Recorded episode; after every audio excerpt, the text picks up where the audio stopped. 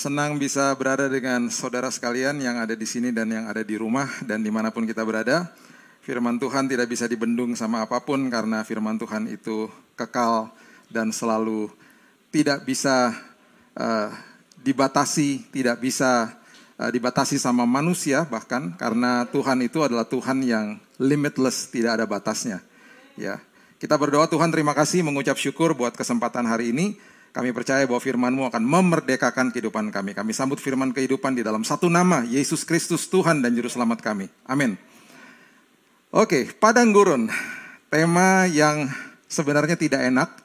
Dan tadi Pastor Daniel uh, bertanya, uh, apakah kita suka ada di padang gurunnya? Pastinya tidak. Pastinya kalau kalau kalau bisa memilih, um, mau gitu ya. Tidak tidak mau ada di situ. Uh, mungkin kita sudah pernah melewati padang gurun, mungkin sedang melewati padang gurun, tetapi kalau belum dan belum sedang, siap-siap akan dibawa ke padang gurun. Karena semua daripada kita akan dibawa ke padang gurun bersama-sama uh, dengan Tuhan. Dan dan itu yang selalu dia janjikan dan itu yang sangat nikmat sebenarnya. Karena dia akan bawa kita sampai ke seberang dan selama perjalanan dia akan beserta dengan kita. Nah sering kali, sering kali makanya kenapa uh, kata kuatkan dan teguhkan itu kepada Yosua disebutkan sampai empat kali di kitab Yosua pertama. Bahkan sebelumnya disebutkan juga diberikan kepada Yosua kalau dihitung-hitung semuanya ada tujuh kali. Kuatkan dan teguhkan padahal sudah ada janji Tuhan. Dan janji Tuhan kepada Yosua sebenarnya kalau uh, Bapak Ibu membaca dengan teliti itu uh, sangat detail, custom made bahkan, sangat custom. Uh, sampai teritorinya dan lain sebagainya. Tapi tetap aja ada kata-kata kuatkan dan teguhkan. Kenapa? Karena walaupun sudah dijanjikan, sudah ada tanah perjanjian kita masing-masing, tetap saja Tuhan akan membiarkan kita melewati padang gurun, melewati hari-hari yang memang sulit. Untuk apa? Sekolah kehidupan.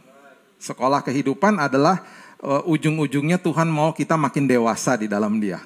Dan yang sangat uh, dahsyatnya adalah ketika kita ada di dalam sekolah kehidupan itu, dia ada bersama dengan kita. Masalahnya sering kali saya masih teringat dengan uh, uh, momen bersama dengan orang tua saya. Ketika waktu zaman saya dulu uh, di Jakarta ini uh, mall yang digandrungi banyak orang namanya pasar baru ya. Karena belum ada gedung mall di sini. Yang yang ada tempat perbelanjaan yang yang cukup ngetop gitu di Jakarta tuh pasar baru Rame sekali, sangat rame dengan dengan dengan orang dan dan pengunjung pada saat itu. Dan saya nggak pernah lupa ketika saya masih kecil, ya saya berpegangan kepada kedua orang tua saya di kanan kiri saya. Dan yang saya bisa lihat di depan saya hanya kaki-kaki orang. Dan apakah saya tahu bahwa saya akan selamat dan nanti malam saya akan pulang sampai ke rumah? Pasti. Karena mereka menyertai saya. Tetapi ketika saya berjalan bersama dengan mereka, saya kan nggak lihat ke kanan ke kiri saya kan harus fokus ke depan jalannya. Saya nggak lihat mereka, sering kali saya tidak melihat mereka, tapi saya rasa ada tangan mereka di dalam kehidupan saya yang memimpin saya. Tapi yang saya lihat adalah keramaian. Yang saya lihat adalah kaki-kaki orang ya, karena saya masih pendek sekali dan dan yang saya lihat adalah betul-betul sesuatu yang sebenarnya tidak nyaman. Nah, makanya ada kata kuatkan dan teguhkan supaya apa? Kita tahu bahwa kita akan dibawa sampai ke seberang oleh Tuhan. Buka bersama-sama saya di ulangan pasal yang ke-8, ayatnya yang kedua. Ulangan pasal yang ke-8, ayat yang kedua. Ulangan ada di perjanjian baru, amin? Oke, cuman ngecek aja udah bangun belum ya, masih pagi soalnya nih. Harap semua yang di rumah sudah sarapan juga, sudah minum kopi, jadi sudah bangun ya. Ulangan pasal yang ke-8 ayat yang kedua. Ingatlah kepada seluruh perjalanan yang kau lakukan atas kehendak Tuhan Allahmu di padang gurun selama 40 tahun ini dengan maksud perjalanan padang gurun itu dengan maksud apa?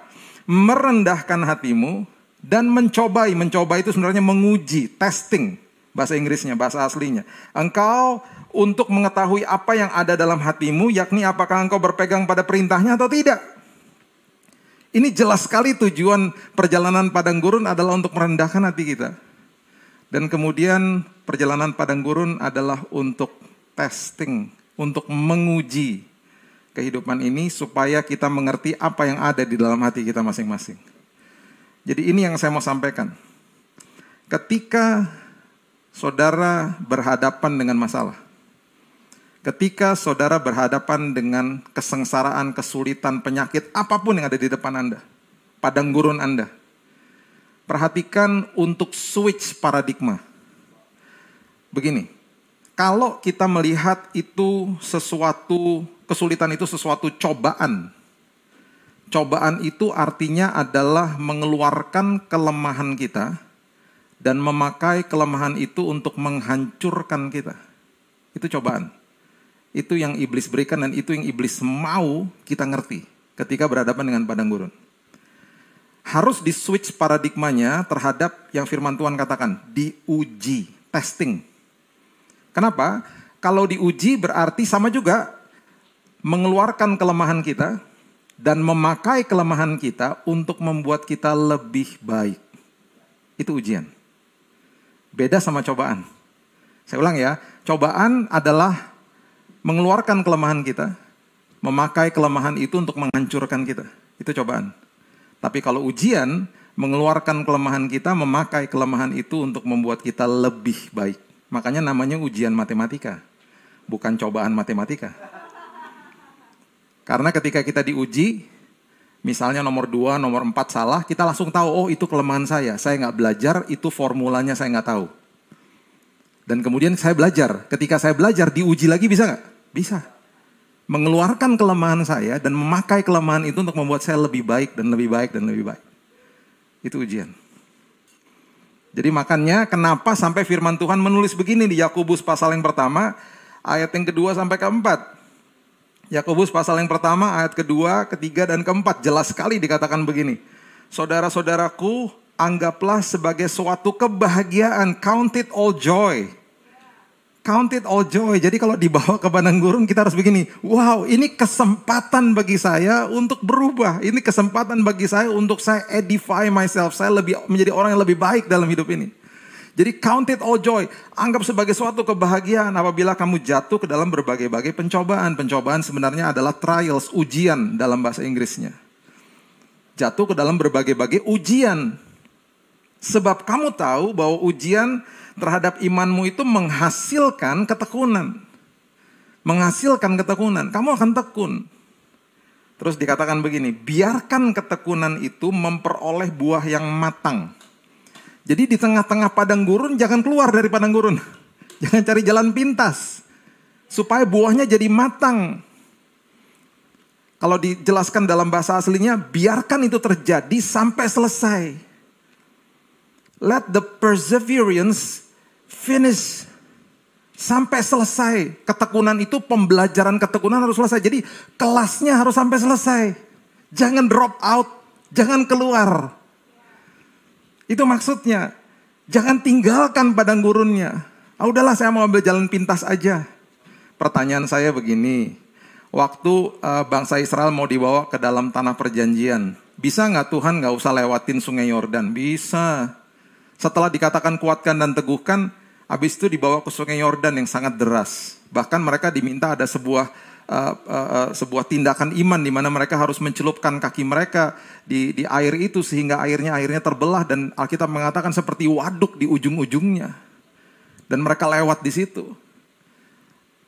Apakah mereka bisa untuk nggak usah ngitari tembok Yeriko atau nggak paling tidak sehari aja deh, nggak usah berhari-hari Udah ngiteri berhari-hari nggak ngapa-ngapain cuman teriak-teriak aja. Belum lagi pasti dibodoh-bodohin sama tentara Yeriko pada saat itu.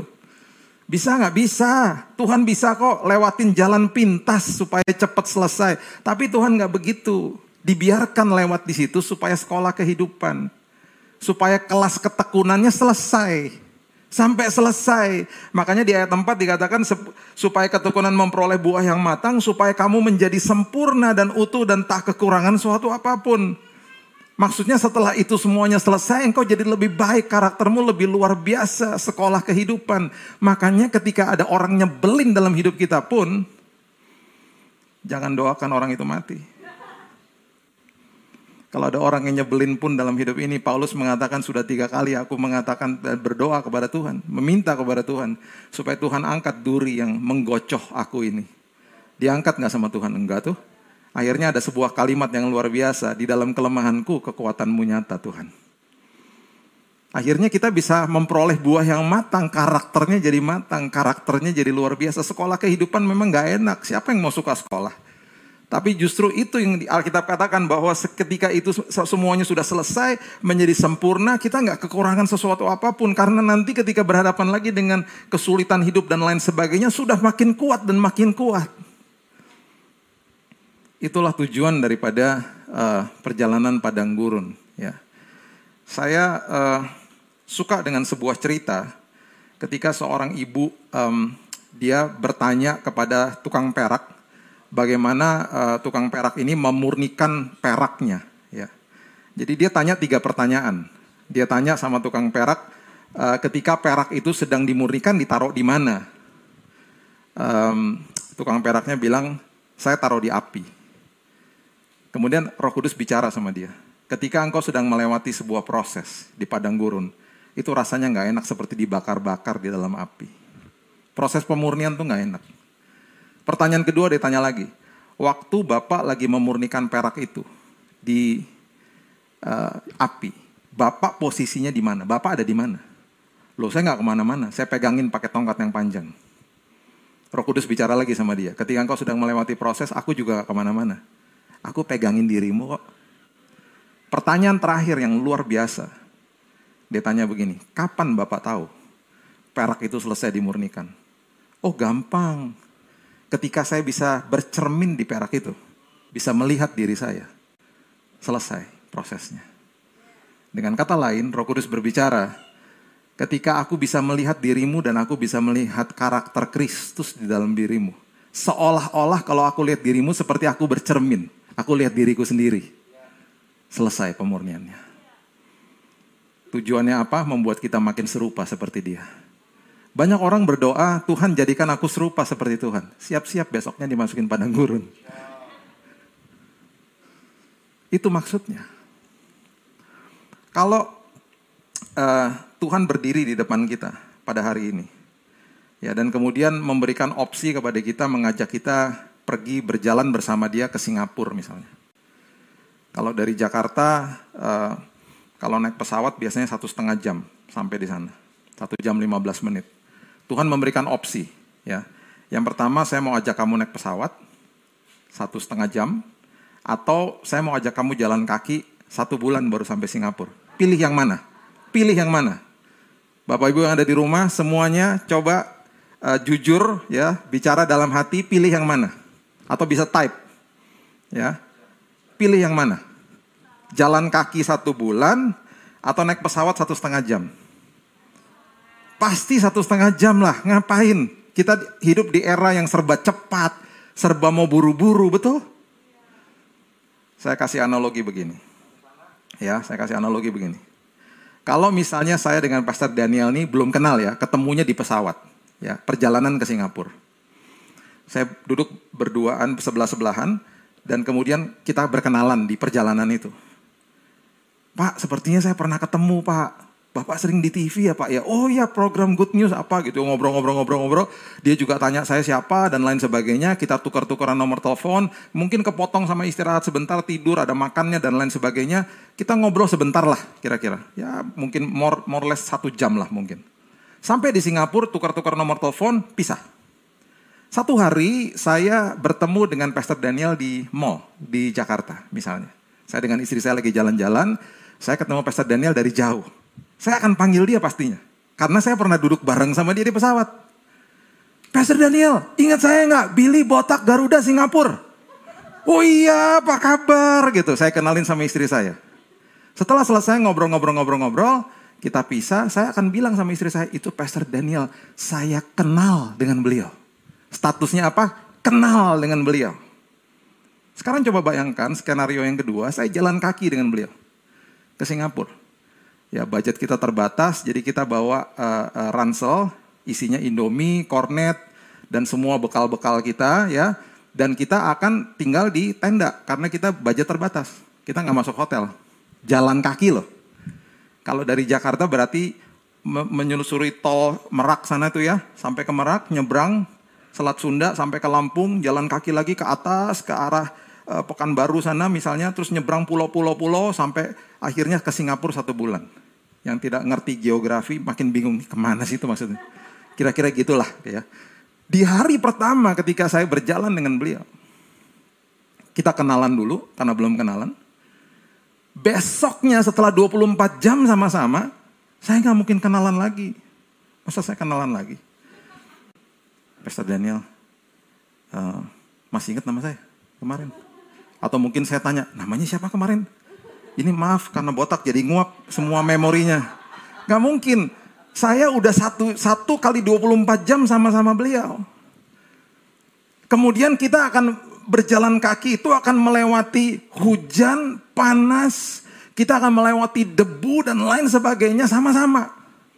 Ketika malam hari kita akan buka tenda, kita akan tidur, kemudian setelah berhari-hari saya makin mengerti uh, sikap atau sifatnya dia. Setelah berhari-hari saya dan beliau akan saling curhat tentang masa lalu, tentang pergumulan sekarang, tentang harapan masa depan. Kita melewati suka duka sama-sama. Kita melewati kesulitan dan kesenangan sama-sama. Kita melewati Indomie tinggal satu mangkok, udah habis semuanya, makan berdua sama-sama. Satu bulan sampai ke Singapura. Setelah selesai perjalanan itu, dan saya kembali di hadapan Bapak Ibu sekalian, saya tidak akan memperkenalkan beliau sebagai kenalan saya. Saya akan beritahu bahwa, saudara, saya punya sahabat baru, Pastor Daniel Hendrata. Karena saya berjalan bersama dengan dia, melewati suka dan duka bersama-sama dengan dia. Tuhan gak akan ajak kita naik Garuda. Mohon maaf bagi semua yang tadi sudah typing naik pesawat, gak akan diajak naik pesawat. Kita semua akan diajak jalan kaki sama dia. Karena apa? Tujuannya cuma satu. Dia mau supaya kita mengenal dia dengan lebih baik lagi. Ketika kita berjalan bersama dia, bersama dengan dia, kita akan berteriak, Tuhan, lembah kekelaman Tuhan. Tenang, aku kan jalan sama kamu. Tuhan, terowongan gelap Tuhan, ujungnya aja nggak kelihatan Tuhan. Tenang, aku kan jalan sama kamu. Setelah kita melewati semua itu, sampai di ujung, Tuhan biasanya selalu bilang begini, coba kamu lihat ke belakang. Waktu kita lihat ke belakang, kita akan terkesima sendiri. Kok bisa sih Tuhan, aku lewati semuanya itu? Tuhan ingatkan lagi, kan sama aku lewatnya. Kan sama aku. Setelah perjalanan itu selesai, dia itu kenal kita lebih dari 100% bahkan. Elohim, Allah pencipta kok. Dia yang menciptakan kita. Pertanyaannya kita kenal nggak sama dia? Makanya ada perjalanan padang gurun. Supaya kita mengenal dia dengan lebih baik lagi. Tahun 2019, Bapak Ibu sudah pasti sudah dengar kesaksian saya. Saya ada di rumah sakit karena didiagnosa kena kanker dan saya kanker darah dan saya um, difonis tiga bulan. Saya waktu pegangin selang kemo di rumah sakit, saya menangis. Saya katakan Tuhan, sudah belasan tahun saya melayani Tuhan. Baru hari ini saya bisa mengecap dan merasa begitu dekat dengan Tuhan dibanding dengan hari-hari sebelumnya. Dan ada suara di dalam hati saya, saya biarkan ini terjadi. Supaya kamu lebih mengenal aku dengan lebih baik lagi. Supaya kamu mengenal aku dengan lebih baik lagi. Ketika kita melewati padang gurun, sudah pasti ada hal-hal yang tidak enak yang kita lewati. Sudah pasti begitu. Dan sudah pasti ada suara-suara yang menuduh, membuat kita merasa tidak layak, dan lain sebagainya, dan lain sebagainya. Firman Tuhan mengatakan begini. Firman Tuhan mengatakan di Amsal pasal yang keempat, ayat yang ke-20 sampai 23 mengatakan begini. Ketika kita dituduh, ketika kita ditakut-takuti sama iblis dan sudah pasti kita takut, sudah pasti kita mengalami ketakutan, kegelisahan, kekhawatiran dan lain sebagainya. Firman Tuhan katakan begini, "Hai anakku, kamu udah dengar semua yang iblis katakan dan menuduh dan semua ketakutan sekarang dengarin ini. Perhatikan perkataanku. Arahkan telingamu kepada ucapanku." Tuhan katakan.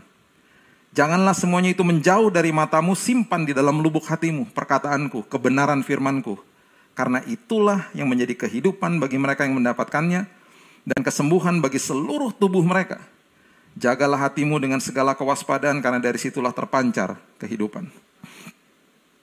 Dokter katakan, saya harus masukin uh, uh, cairan kemo yang sangat berat dan nggak bisa lewat infus di tangan saya dibolongin dada saya. Dan cairan itu satu satu tetes saja jatuh ke tangan suster itu tangannya kebakar. Dan bayangkan yang dimasukin ke dalam tubuh saya itu 500 mili per hari dikali 7 hari, berarti 3,5 liter. Jadi dokter sudah bilang dari awal, Pak, organ-organ Bapak akan hancur. Hancur, Pak. Tapi kami nggak punya pilihan karena ini kansernya sudah ke mana-mana. Dan ketika dia katakan begitu, dia katakan, Pak, setelah pengobatan ada kemungkinan besar 60-70% pengobatannya gagal. Bapak akan masuk ICU, Bapak di life support, Bapak koma, Bapak meninggal. Saya harus beritahu ini supaya Bapak tahu bahwa Bapak harus dan Ibu harus tanda tangan. Supaya kalau Bapak meninggal, Ibu tidak akan tuntut rumah sakit. Perkataan itu adalah perkataan yang merupakan kenyataan hidup. Kenyataan di padang gurun itu ada. Kesulitan yang kita hadapi yaitu kenyataan. Tapi kemudian Tuhan katakan begini, kamu kan udah dengar tuh kenyataan. Sekarang arahkan telingamu kepada ucapanku. Karena ucapanku itu bukan kenyataan, ucapanku itu adalah kebenaran. Dan kenyataan itu harus tunduk sama kebenaran. Jadi ketika saya mendengar kenyataan, saya kemudian setiap hari mulai berdoa, Tuhan, kenyataan itu harus tunduk sama kebenaran firman. Aku terus akan mengarahkan telingamu, telingaku kepada ucapanmu, simpan di dalam lubuk hatiku. Karena itu sumber daripada kehidupan, sumber daripada kesembuhan. Bahkan ketika Yesus di, dicobai di padang gurun, Yesus pun dibawa ke padang gurun. Tiga kali dicobai, tiga-tiganya dia utarakan balasannya, dia utarakan balasannya dengan kata ada tertulis, ada pula tertulis, sebab ada tertulis. Bahasa Inggrisnya it is written. Semua yang dilontarkan, semua kebohongan yang dilontarkan sama iblis dibalas sama Yesus dengan ada tertulis, ada tertulis, ada tertulis. Jadi apa pun ketakutan di dalam padang gurun kita, di dalam sekolah kehidupan ini. Kutip firman Tuhan. Katakan ada tertulis. Katakan ada tertulis. Kemudian kutip janji-janji Tuhan. Ada tujuh ribu lebih janji Tuhan. Dan kita wajib tahu dan wajib mengerti. Bahkan beberapa mungkin harus kita hafalkan. Jangan sampai kita katakan ada tertulis terus bingung. Apa ya? Apa ya? Firman apa ya? Ada tertulis kemudian ucapkan firman, ucapkan janji Tuhan. Renungkan dan perkatakan firman siang dan malam. Karena apa? Kenyataan harus tunduk sama kebenaran. Kenyataan harus tunduk sama kebenaran. Kemudian prinsip yang berikutnya adalah kalau kita dibawa ke padang gurun, kita harus bangga. Kenapa? Karena tokoh-tokoh besar di dalam Alkitab dibawa ke padang gurun. Bahkan Yesus pun dibawa ke padang gurun. Yohanes Pembaptis di dalam hidupnya dia meluangkan waktu bertahun-tahun di padang gurun dan ministrinya dia itu hanya sekitar enam bulan. Dan impactfulnya luar biasa, dahsyatnya luar biasa. Perhatikan uh, kebenaran ini. Kita baca sama-sama coba di, di Lukas pasalnya yang ketiga, ayat yang kedua. Perhatikan ini. Lukas pasal yang ketiga, ayat yang kedua. Yang kedua. Ini sebenarnya sebuah ayat sindiran. Ya, dikatakan begini. Pada waktu Hanas dan Kayafas menjadi imam besar, imam besar ya, datanglah firman Tuhan kepada, bukan kepada mereka, bukan kepada imam besar yang ada di bait Allah. Datanglah firman Tuhan kepada siapa? Yohanes, anak Sakaria di mana? Di padang gurun. Justru kalau kita ada di padang gurun, suara Tuhan makin jelas. Dan ironisnya suara Tuhan makin jelas di padang gurun dari, daripada di dalam gedung gereja. Karena di kebanyakan di dalam gedung gereja semuanya nyaman. Bahkan ada yang tidur. Ada yang main HP. Ada yang ngobrol. Saya kalau uh, di atas mimbar biasanya bisa melihat yang yang yang dengerin atau yang tidak tuh bisa kelihatan gitu ya. Satu hari ada seorang uh, ibu yang tertidur gitu ya di samping suaminya. Dan pertama tidurnya begini seperti kelihatan berdoa lama-lama udah nggak tahan kepalanya begini lama-lama mulutnya kebuka. Akhir itu namanya tidur maksimal ya. Sementara suaminya dengerin suaminya dengerin gitu. Tapi lama-lama mungkin dia berasa nih kenapa istri saya nggak ada suaranya nggak bergerak-bergerak gitu ya. Jadi saya bisa lihat dari atas mimbar nih, saya bisa lihat dia di arah sebelah situ gitu ya. Tiba-tiba suaminya nengok ke istrinya. Dia sampai kaget sendiri. Sampai kaget sendiri. Dia sikut istrinya. Cuat. Istrinya langsung bangun. Langsung kangguk-kangguk. Seolah-olah dia lagi dengar. Itulah yang saya lihat di atas mimbar. Biasanya yang terjadi di dalam jemaat. Itu makanya saya katakan. Susah untuk Tuhan berbicara di dalam gedung gereja. Makanya kadang-kadang dibawa ke padang gurun biar bisa dengar suara Tuhan. Makanya ini seperti ayat sindiran. Suara Tuhan nggak diberikan kepada imam besar di bait Allah, tapi kepada Yo Yohanes di padang gurun. Ingat siapa papanya Yohanes? Namanya siapa ingat? Sakaria. Ingat sebelum eh, Yohanes uh, dilahirkan ada janji Tuhan ke Sakaria bahwa dia akan mempunyai anak. Dia nggak percaya toh? Karena istrinya Elizabeth mandul. Dia nggak percaya ya. Waktu dia nggak percaya apa yang terjadi? Bisu. Jadi saya ketika membaca ini, membaca ayat ini, saya berpikir dalam dalam dalam roh saya dan dalam jiwa saya, saya berpikir bahwa Tuhan Tuhan memang bawa Yohanes ke padang gurun supaya value atau nilai dari bapaknya yang kurang percaya itu nggak merasuki dia. Bapaknya nggak percaya. Bapaknya sampai akhirnya bisu, dibisukan sama malaikat Tuhan sampai harus anaknya dibawa ke padang gurun menerima sebuah wejangan, sebuah pesan daripada Tuhan yang begitu penting. Jadi itulah padang gurun. Padang gurun itu nikmat sebenarnya. Kalau kita melihat dari sisi bahwa itu ujian. Dan ingat, ujian selalu ada akhirnya. Nggak selalu selama-lamanya di situ. Makanya di firman Tuhan dikatakan ketika melewati lembah kekelaman, itu dikatakan you are walking through the valley of the dark, the, the valley of the shadow of death bahasa Inggrisnya. You walking through. Itu Mazmur 23 ayat 4 jelas sekali mengatakan itu. You walking through, berarti apa? Lewat. Cuman lewat kok. Gak berdiam di situ. Tapi hasilnya luar biasa. Tadi kita sudah baca di Yakobus, jangan drop out. Jangan keluar, jangan cari jalan pintas. Biarkan terjadi, biarkan sampai selesai supaya iman kita, supaya karakter kita makin teguh di dalam Tuhan. Dan yang luar biasa adalah kalau kita ada di padang gurun berarti kita masuk ke dalam kelompok elit. Karena tokoh-tokoh besar dalam firman Tuhan, dalam Alkitab, dibawa sama Tuhan ke padang gurun. Bahkan Yesus pun dibawa ke padang gurun. Musa dibawa ke padang gurun, Yusuf punya padang gurunnya sendiri, Abraham punya padang gurunnya sendiri, Daniel punya padang gurunnya sendiri semua melewati padang gurun dan menjadi tokoh-tokoh besar yang luar biasa yang berdampak. Itulah kenikmatan padang gurun ketika Tuhan membawa kita ke dalamnya. Kemudian prinsip yang berikutnya adalah ketika padang gurun itu sudah selesai, baca bersama-sama saya di Yesaya 48 ayat yang ke-10. Yesaya 48 ayat yang ke-10 firman Tuhan katakan begini. Ini penting sekali ini sebuah sebuah uh, kebenaran yang penting sekali. Sesungguhnya aku telah memurnikan engkau. Namun bukan seperti perak, tetapi aku telah menguji engkau dalam dapur kesengsaraan. Aku akan melakukannya oleh karena aku, ya oleh karena aku sendiri, sebab masakan namaku akan dinajiskan. Nah ini penting, ini penting kita mengerti. Masakan namaku akan dinajiskan. Aku tidak akan membiarkan kemuliaanku kepada yang lain. Dengan kata lain begini, kalau masuk ke dalam padang gurun, Tuhan itu mau showcase His glory lewat kita. Tuhan mau mempertontonkan kemuliaannya tuh lewat hidup kita.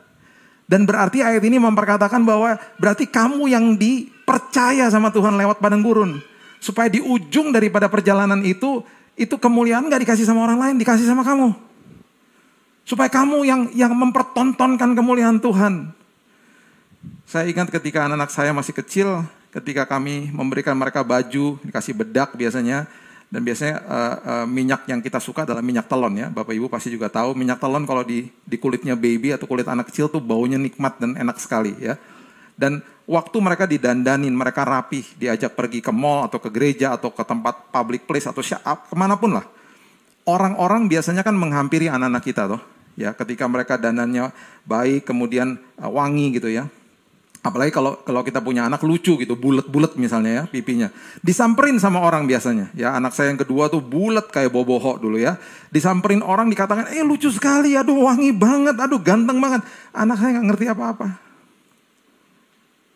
Yang dandanin dia tuh saya sama istri saya. Dan orang yang memuji dia juga tahu yang dandanin orang tuanya, bukan dia. Jadi sebenarnya pujian itu diberikan tanpa disadari kepada orang tuanya. Orang tuanya mendapatkan kemuliaan, orang tua yang mendapatkan pujian. Itu maksudnya ketika melewati padang gurun Tuhan mau mempertontonkan kemuliaannya lewat hidup kita. Makanya ayat ini dengan sangat jelas dikatakan nggak dikasih kepada orang lain, dipercaya kepada kita.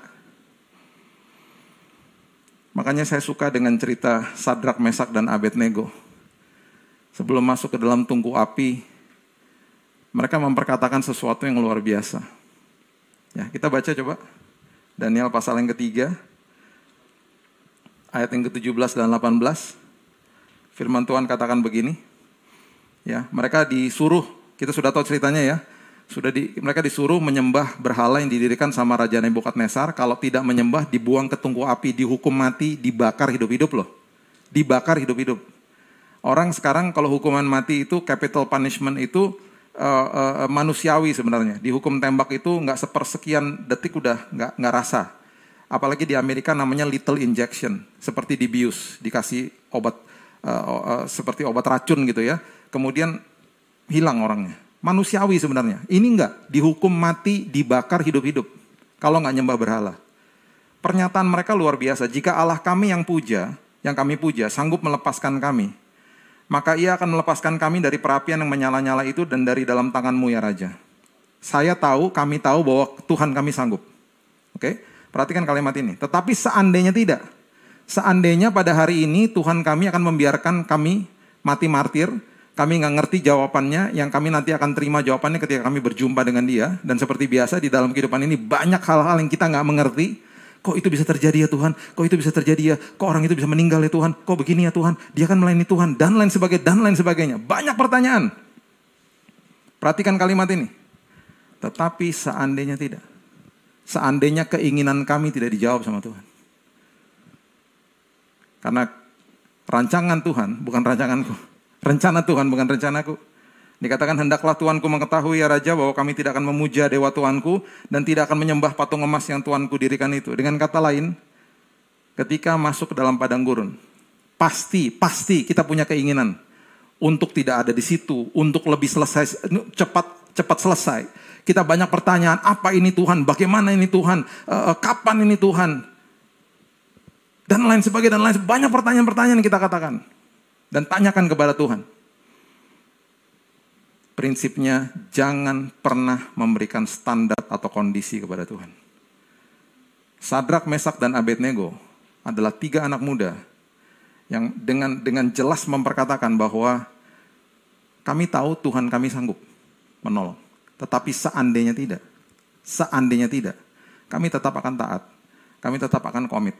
Karena apa? Ketaatan kami kepada Tuhan bukan dengan kondisi. Ketaatan saya dengan Tuhan selama padang gurun bukan kondisi.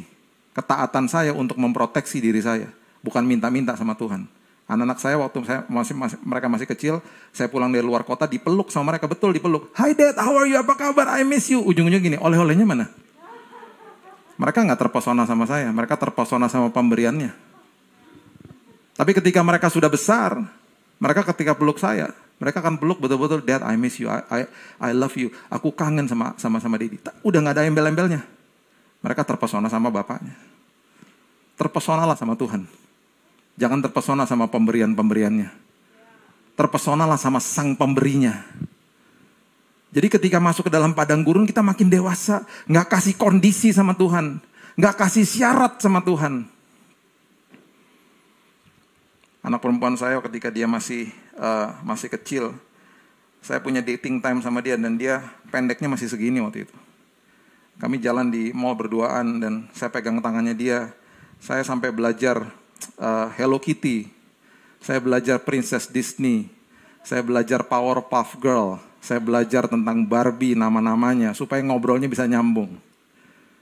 Itu cara saya mentor dia waktu dia masih kecil dan sampai akhirnya kami jadi begitu dekat dan dan saya nggak pernah lupa ketika kami dating time berduaan, dia pendeknya masih segini. Saya ada di belakang lift yang begitu rame dengan orang. Dan sering kali dia tarik celana saya, dia katakan, Dad lift me up, gendong dong, gendong dong.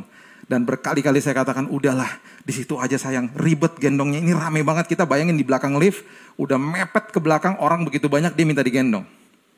Sampai satu hari saya nggak pernah lupa, seperti saya dapat pencerahan dari Tuhan bahwa di bawah situ tuh nggak enaknya, nggak enaknya luar biasa. Saudara bisa bayangkan saudara ada di belakang lift, ya mungkin sekarang nggak bisa masa, pandemi, ya. Jadi kalau saudara di belakang lift, di paling belakang sudah mepet nih ya, mepet. Kemudian pendeknya saudara tuh cuma segini, ya. Di depan saudara tuh kan orang semua kan. Nah pemandangan di depan saudara tuh betul-betul nggak nyaman. Yang sudah tertawa, di rumah yang tertawa pasti sudah mendapatkan pewahyuan. Yang masih bingung tanya sama sebelahnya, maksudnya apa ya? Kalau sampai ada kejadian-kejadian tidak diinginkan, kena duluan anak saya. Puji Tuhan yang tertawa sudah mengerti pewahyuannya, yang belum tanya lagi, maksudnya apa ya? Kalau masih nggak ngerti juga nanti setelah pandemi selesai udah bisa desek-desekan lagi di lift, cobain aja. Berdiri di belakang lift paling belakang, ya. Terus kemudian begini jongkok. Baru ngerti maksud khotbah saya, ya. Ketika saya melihat anak saya, ya, betul-betul dalam posisi yang tidak nyaman, saya nggak pernah lupa saya gendong dia. Saya paksain diri saya, saya gendong, saya bilang, mas, mas, permisi ya mas. Saya rada dorong sedikit orang depan saya, saya gendong dia. Saya nggak pernah lupa ketika saya gendong dia, mukanya dia begini. Lega. Pertanyaan ini, pertanyaan yang paling penting. Waktu saya gendong dia dan muka dia lega, liftnya masih rame nggak? Masih. Bahkan kadang-kadang lebih rame lagi. Kenapa dia lega? Kenapa dia menarik nafas lega? Karena dia pandangannya tinggi. Karena di gendongan saya. Bukan di bawah situ lagi. Kalau lagi lewatin padang gurun, minta digendong sama Tuhan kalau lagi lelah. Minta digendong sama Tuhan. Minta Tuhan tolong supaya aku lihat dari perspektifnya Tuhan. Ketika digendong sama Tuhan, masalahnya masih ada. Masih ada, karena lebih berat. Tapi tiba-tiba ada rasa damai sejahtera. Tiba-tiba ada sukacita, tiba-tiba ada hikmat ilahi. Ada seorang rekan saya datang ke kamar saya. Datang cuma mau datang pagi pulang sore. Dia katakan, e, Pak, saya mau besuk dan sekalian mau doakan. Dan setelah ngobrol-ngobrol-ngobrol-ngobrol, di kamar saya sekitar lima jam dia. Ngobrol-ngobrol, ketawa-ketawa, teman dekat. Setelah selesai dia katakan begini, kok saya nggak justru makin rasa iba sama kamu ya. Justru saya yang makin dikuatkan Tuhan. Saya udah kurus kering.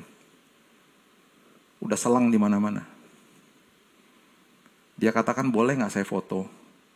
Dan saya masukin uh, story kamu di gereja kami. Karena bulan ini kami lagi membahas tentang iman. Saya pulang dari sini sekarang saya baru mengerti. Tuhan suruh saya ke sini. Karena ada pesan Tuhan bagi saya. Saya katakan begini, bukan kuat dan gagah saya. Kurus kering udah difonis mati. Itu karena Tuhan sedang mempertontonkan kemuliaannya lewat hidup saya. Dan juga lewat hidup saudara. Saya terus memperkatakan hal itu. Selama satu bulan di bulan Januari. Dan mujizat terjadi di bulan Februari ketika dokter memanggil saya ke kamarnya dengan 10 dokter yang sudah mencek semua hasilnya. Dia katakan, Pak hari ini kami mau menyatakan kami tidak bisa menemukan satu pun sel kankernya hilang. Hilang total. Kami tidak bisa melihat, kami tidak bisa uh, uh, deteksi di mana pun nggak ada pak. Sampai-sampai saya yang bertanya, masa nggak ada sisanya dok? 5%, 10%, nggak ada. Saya nggak pernah lupa kata-kata dia, you are clean, kamu bersih.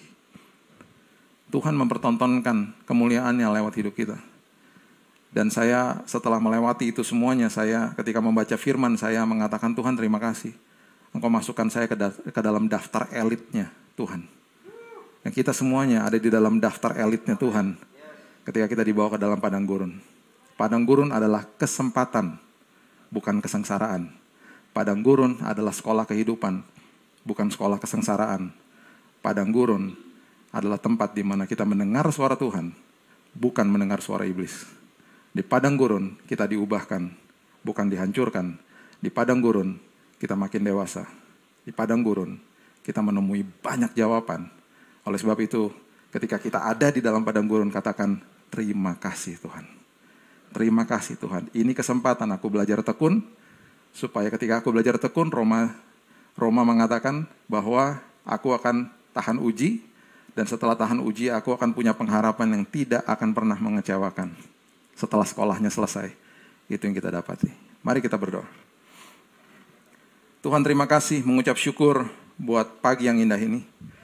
Terima kasih buat pesan Tuhan dalam setiap hidup kami. Kalau kami sedang melewati padang gurun pada saat ini, hambamu percaya Tuhan bahwa kami harus mengarahkan telinga kami kepada ucapan Tuhan, kepada janji-janji Tuhan. Dan oleh sebab itu kami percaya bahwa hari ini juga Tuhan, ketika ada yang menonton dan ada yang sakit, arahkan tanganmu ke layar televisimu percaya bahwa apa pun kenyataan yang Tuhan sudah, kenyataan yang dokter sudah berikan, mungkin itu vonis dan lain sebagainya. Percaya ada kebenaran Tuhan yang akan menguasai kehidupanmu. Karena kebenaran Tuhan akan mengalahkan kenyataan. Arahkan tanganmu, biarkan aku berdoa untukmu Tuhan. Aku berdoa bagi yang sedang sakit pada saat ini. Di mana pun mereka berada. Atau mungkin saudaranya mereka sedang sakit dan tidak sadar pada saat ini. Dan ada yang sedang mendoakan. Mungkin ayahnya, istrinya, suaminya. Pada saat ini juga Tuhan, aku berdoa. Ini adalah sekolah kehidupan padang gurun yang memang harus dilewati. Dan kemuliaan Tuhan akan dinyatakan. Dan aku berdoa pada saat ini juga Tuhan, kesembuhan ilahi, kesembuhan Tuhan menyertai dan terjadi pada saat ini juga dalam nama Yesus. Dalam nama Yesus. Terima kesembuhan ini. Bapak yang menyembuhkan saya adalah Bapaknya kita semua orang percaya. Kita mempunyai satu Bapak. Dan Bapak di surga adalah Bapak yang senantiasa sudah memberikan kesembuhan, sudah menyediakan kesembuhan dan mau kita sehat. Ulurkan tanganmu dan percaya dan terimalah ini. Setiap kali orang-orang sakit datang kepada Yesus, dia selalu bertanya kembali, apakah yang engkau mau aku lakukan? Dan ketika mereka katakan, aku mau melihat, aku mau berjalan Tuhan, Yesus selalu katakan terjadilah sesuai dengan imanmu. Berimanlah, percaya, dengarkan, arahkan telingamu kepada ucapannya, kepada janjinya, simpan di dalam lubuk hatimu. Karena itu adalah sumber daripada kesembuhan dalam hidupmu, dalam nama Yesus. Dalam nama Yesus. Kesembuhan terjadi Tuhan. Kesembuhan terjadi dalam nama Yesus. Siapa pun yang menonton khotbah ini Tuhan, walaupun sudah lewat, kuasa Tuhan tidak bisa dibendung sama apa pun mereka bisa percaya dan sembuh dalam nama Yesus. Dalam nama Yesus. Dalam nama Yesus. Aku juga berdoa Tuhan bagi semua yang sedang melewati padang gurun, mungkin bingung, ketakutan. Mungkin setelah mungkin sejak sejak di PHK income makin menurun, tidak ada simpanan lagi dan belum ada panggilan kerjaan yang lain. Aku berdoa Tuhan, kita melekat kepada sumber atas segala sumber semua yang punya usaha yang sedang drop semuanya karena pandemi ini. Aku percaya apa pun yang terhilang, Tuhan sudah siapkan gantinya. Karena kita adalah anak-anaknya. Kita adalah anak-anaknya. Jangan bergantung sama manusia. Jangan pinjam-pinjam uang sama manusia. Berseru kepada Tuhan. Berseru kepada Tuhan. Alkitab dengan jelas mengatakan, jangan khawatir dan berkata apakah yang kamu makan, minum, dan pakai. Karena itu yang akan dikejar sama orang-orang dunia yang tidak mengenal Allah berseru kepada Tuhan. Dia selalu on time, dia selalu on time, dia memelihara hidupmu. Dan ingat Tuhan akan menggantikan apa yang dicuri sama iblis. Aku percaya Tuhan kami semuanya akan dibawa sampai ke seberang dengan selamat. Kami akan dibawa sampai ke ujung 2021 dengan sehat, dengan selamat. Kami dan keluarga kami ya Tuhan. Kami percaya padang gurun ini merupakan padang gurun kesempatan bagi kami. Di mana kami bertumbuh menjadi dewasa karakter kami di dalam Kristus. Materaikan firman ini ya Tuhan, dan kami akan jadi pelaku-pelakunya. Hanya di dalam satu nama, Yesus Kristus, Tuhan dan Juru Selamat kami. Kami sudah berdoa dan mengucap syukur. Kita sama-sama katakan, Amin dan amin. Haleluya. Berikan tepuk tangan kita untuk Tuhan. God bless you. God bless you. Haleluya.